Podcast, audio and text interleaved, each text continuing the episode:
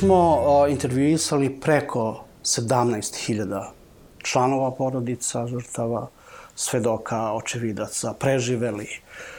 I to je samo, samo jedna strana priče, jer smo prikupili dokumentaciju od sudova, počevši od Haškog tribunala, domaćih sudova, sudova ovde u Srbiji, onda sekundarne izvore kao što su publikacije, razne izveštaje, domaći međunarodni organizacija za ljudska prava kao što je Human Rights Watch, Amnesty International i, i mnogo drugi izvora i, i napravili smo tu zajedničku databazu gde je cela ova dokumentacija uneta, analizirana i a, na takav način smo došli do podataka o stradalim, ali u ovom slučaju samo o onima koji su izgubili život tokom rata, što znači ubijene ili ljude koji su prijavljeni kao nestali.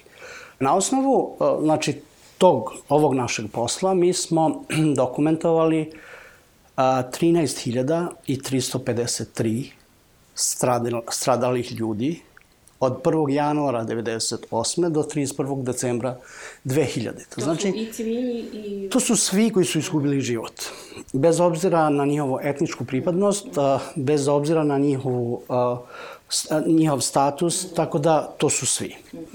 Od 13.535 ljudi koji su ubijeni ili koji su nestali tokom i posle rata, preko 10.000, skoro 10 10,5 hiljada su civili. Ima oko 2000 nešto više pripadnika OVK i hiljadu pripadnika policije i vojske Srbije, odnosno Jugoslavije u to vreme. Od e, tih 10.000, 10.500 civila, koliko je dece? 1133 dece koji su stradali kao posledica rata na Kosovu, znači ubijeni, ili, ili su izgubili život u vezi sa ratom. Da li je neko e, ikada odgovarao za konkretne, da li pratite svaki slučaj e, stradanja te dece i koji su procesi sudski pokrenuti u Beogradu ili pred Međunarodnim sudom e, za te zločine? Međunarodni sud ili Haški tribunal je u svojim predmetima za zločine na Kosovu je obufatao mnogo više zločina bili su usredsređeni na one najmasovnije, tako da je obuhvaćeno više događaja gde su stradala deca, ali fokus nije bilo na deci. Znači, u prilogu tih presuda postoje neki spiskovi žrtava i tu ima i, i dece, ali ne konkretno o događajima. A što se tiče specijalnog suda u, u Srbiji, u dva predmeta, ako se ne varam, je bilo, znači, predmeti koji su procesuirani, žrtve su i deca i radi se o zločinu koji se dogodilo 28. marta 1999. godine u Podejevu. Znači, škorpion, škorpioni su počinioci tog zločina i u Suvoj reci.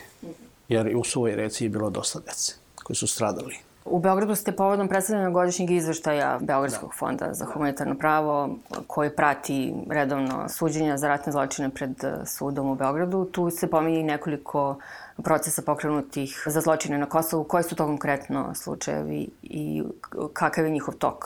Pa sad, posljednje, pre nekog, nekog vremena, ne znam tačan datum, ali ima možda više od mesec dana, je bila presuda, eh, prvostepena presuda u predmetu Trnje. Dva pripadnika vojske Jugoslavije su ovaj, optuženi. Jedan od njih je osuđen na 15 godina, a drugi je, je oslobođen kako je rečeno u presudi zbog nedostatka ovaj dokaza, što malo je bilo nelogično, pošto ovaj koji je oslobođen je imao veći čin i naređivao U svakom slučaju zločin je bio vrlo morbidan u smislu u jednom dvorištu svi civili, stari ljudi, žene i deca su ubijeni od strane vojske, onda njihova tela su odneta i većina njih još nije pronađeno. A, tako da porodice su vrlo a, razočarane tim procesom koji je predugo trajalo. Optuženi su se branili sa slobode i dan danas su na slobodi. Znači, čak i nakon presude nije određivan pritvor. za, ovoga, za ovog što je, što je osuđen. Pre neki dan je bila godišnica zločina u Ćuškoj. To je isto proces koji traje predugo, gde se vraća proces na početak, gde se na apelaciji oslobađaju već osuđeni. Pa, za Čuško, sećam se nakon te e, prve presude, donekle porodice su imali neku satisfakciju, ne potpuno, ali došli su znači na, na tom prvom procesu svedočili i, i dali svoj doprinos. A onda kad je pala presuda na apelacionom, oni su izgubili svaku nadu i sećam se da u jednom javnom događaju u Prištini član porodice koji je inače bio svedok je javno izjavio da on nikada neće više da dođe i da, da daje svoj iskaz pred, pred sudom. Tako da ta presuda apelacijonog suda koja je takođe nelogična je uticala da, da svedoci, da u prvom redu članovi porodice žrtava gube tu poverenje u, u pravosuđe i neće više da sarađuje. Tako da, nažalost, takva je situacija. Kažite mi e, šta je sa tim e, specijalnim sudom koji je počeo s radom početkom ove godine u Hagu, poseban sud za koji je hibridni sud, odnosno internacionalizovani domaći sud, ali koji uh, radi u Hagu, ne na teritoriji zemlje koje se tiče. Zvanično se zovu specializovana veća i specijalno tužilaštvo uh, Kosovsko jer je osnivano od strane kosovskih institucija, zapravo jednim posljednim zakonom o specializovanim većima u Skupštini Kosova je izglasan taj zakon i, i to je osnov za osnivanje ovog suda. Sud je isključiv, isključivo ovaj, osnovan da procesuira, istražuje i procesuira a, predmete koji su bili predmet izveštaja Saveta Evrope čiji nacrt je napravio ovaj, Dick Marty.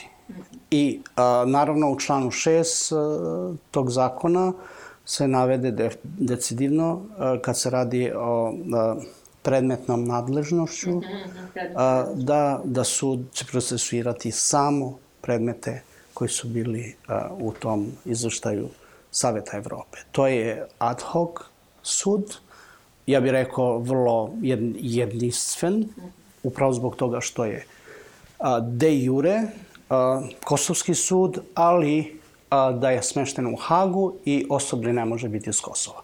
Naravno da postoji razlozi za to, ali redko možemo da nađemo takav, takav sud negde. Vrlo su pažljivi, naravno, tužilaštvo, specializovano tužilaštvo, i zbog toga nije procurela nikakva, nijedna informacija ko će biti optuženi, za koje, za koja dela, za koje zločine i koji su mogući svedoci. I na ovakav način su do minimuma umanjili mogućnost da se utiče na svedoke i to je za svaku pohvalu. Ali malo se odužilo, mi smo očekivali još pre dve godine možda prve optužnice, nema ih, ali a, verujem da, da će ove godine da, da, a, da krenu sa procesima.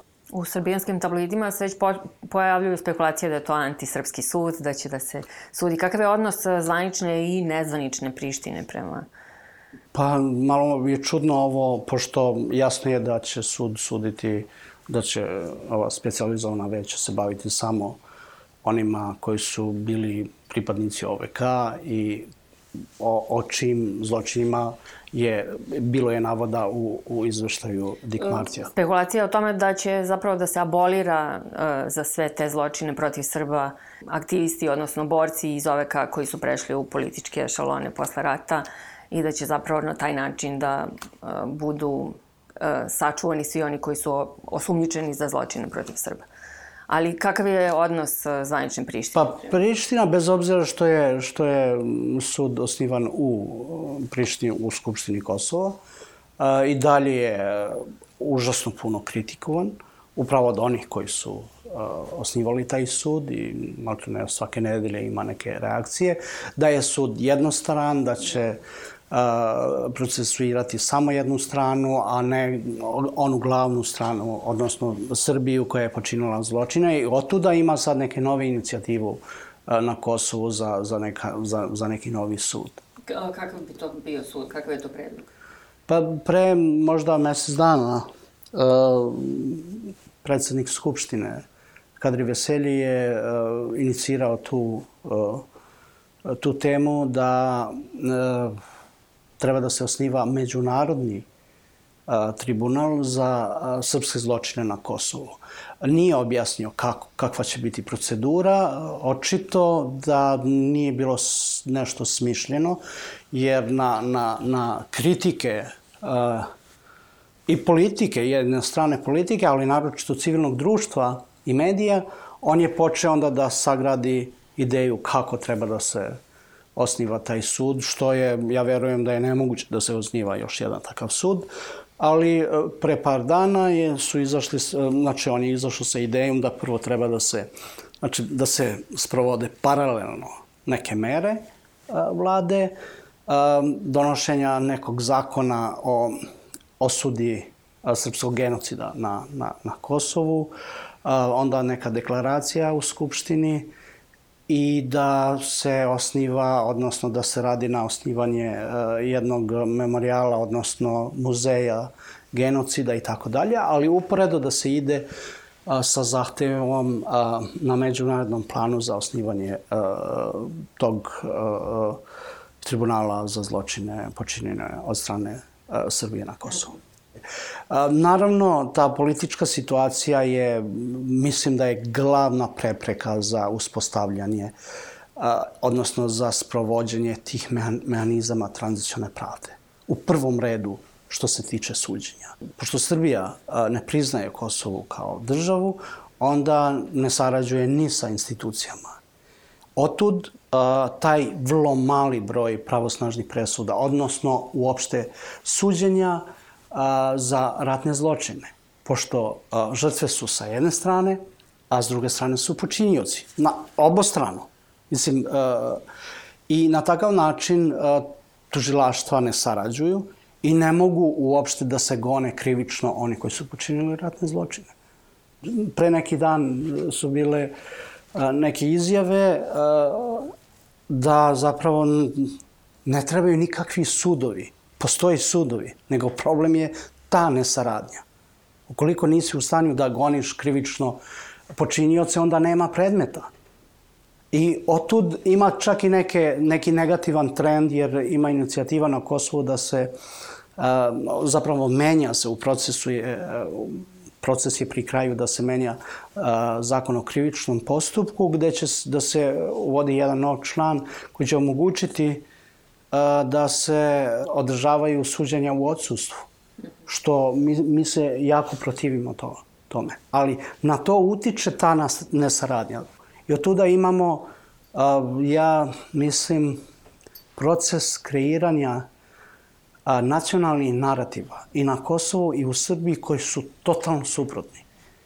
I to je, ako mi dozvolimo to da se desi, onda je to će predstaviti problem u budućnosti, jer mladi ljudi u Srbiji će pomisliti da su sami, samo Srbi žrtve, da je ona druga strana zli ljudi, počinioci koji su počinili nedela. Takva ista situacija je na Kosovu.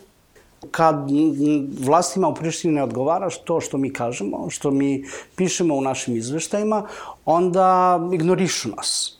Znači, nema nikakvi pritiska. Ali a, mi sprovodimo ovaj projekat koji sam spomenuo, a, neformalno obrazovanje o transičnoj pravdi, gde takođe informišemo te mlade o posljedicama rata, o brojima žrtava i onda su vrlo oni su vrlo, da kažem, iznenađeni jer nisu čuli o tome. Oni u, u istorijskim učbenicima imaju dve, samo dve, dve strane o 90-ima, o ratu 90 i to su potpuno jednostrani podaci da su da je ubijeno oko 16.000 Albanaca, više, mnogo više ovaj, ima silovanih žena i nema reči o srpskim žrtvama. I naravno da oni kreiraju tu njihovu ideju o, o ratu koja nije baš, znači, koja je jednostrana.